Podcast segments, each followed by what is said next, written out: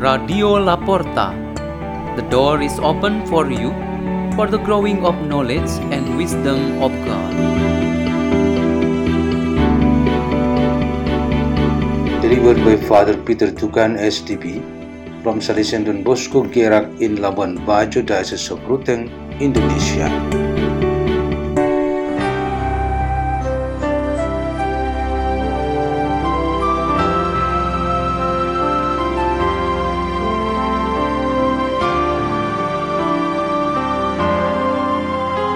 Reading and meditation on the Word of God on Thursday of the 25th week in Ordinary Time, September 28, 2023.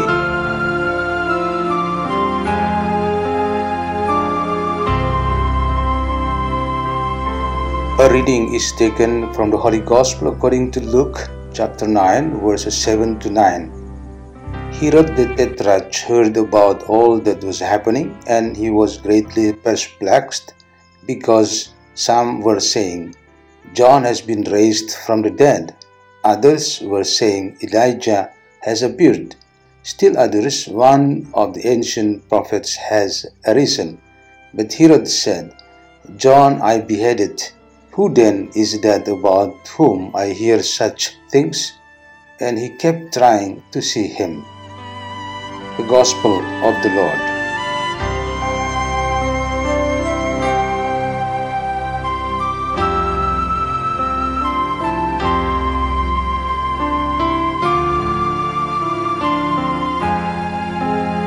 The theme for our meditation today is May Anxiety Quickly Pass.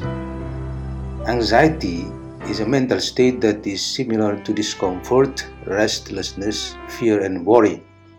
This mental situation is not positive and is the opposite of being enthusiastic, optimistic, happy, proud, cheerful, and lucky. So naturally, we want that any anxious situation in our lives to pass quickly. Anxiety haunted the prophet Haggai and the Israelites when God brought this feeling to them so that they realized that God's house had not been built, it was still in ruins, while his people were already living in established houses. He then made their hearts anxious and restless. The king Herod was also troubled because he knew that his evil act had caused John the Baptist died. He thought it would be a problem if John the Baptist came again alive. He seemed to believe that Jesus of Nazareth was the reason John the Baptist. Those two examples of anxiety from our today's readings stem from one weakness, namely our own mistakes or sins. This type of anxiety or restlessness grows through self knowledge and awareness. People know their own weaknesses and sins. Of course, they are helped by divine light. Then they regret them, and the way for renewal is opened.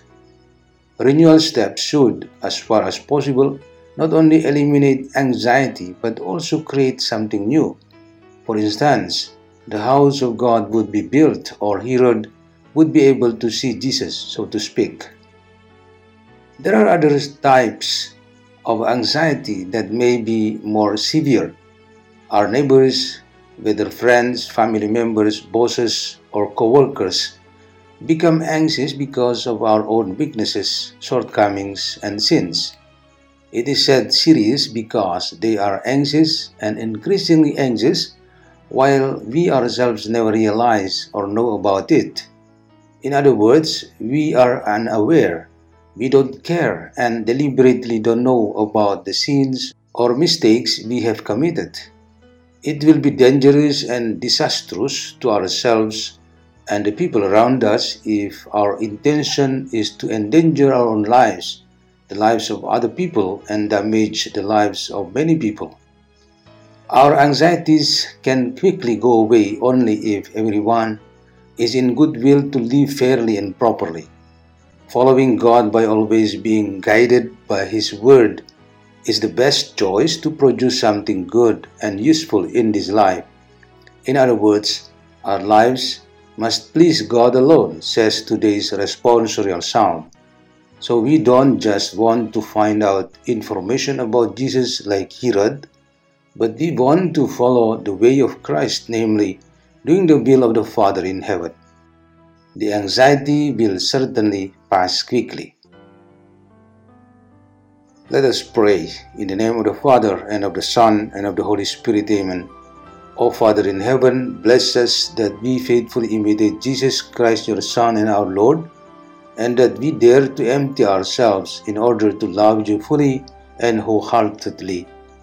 Hail Mary, full of grace, the Lord is with thee. Blessed art thou among women, and blessed is the fruit of thy womb, Jesus. Holy Mary, Mother of God, pray for us sinners, now and at the hour of our death. Amen. In the name of the Father, and of the Son, and of the Holy Spirit. Amen. Radio La Porta. The door is open for you.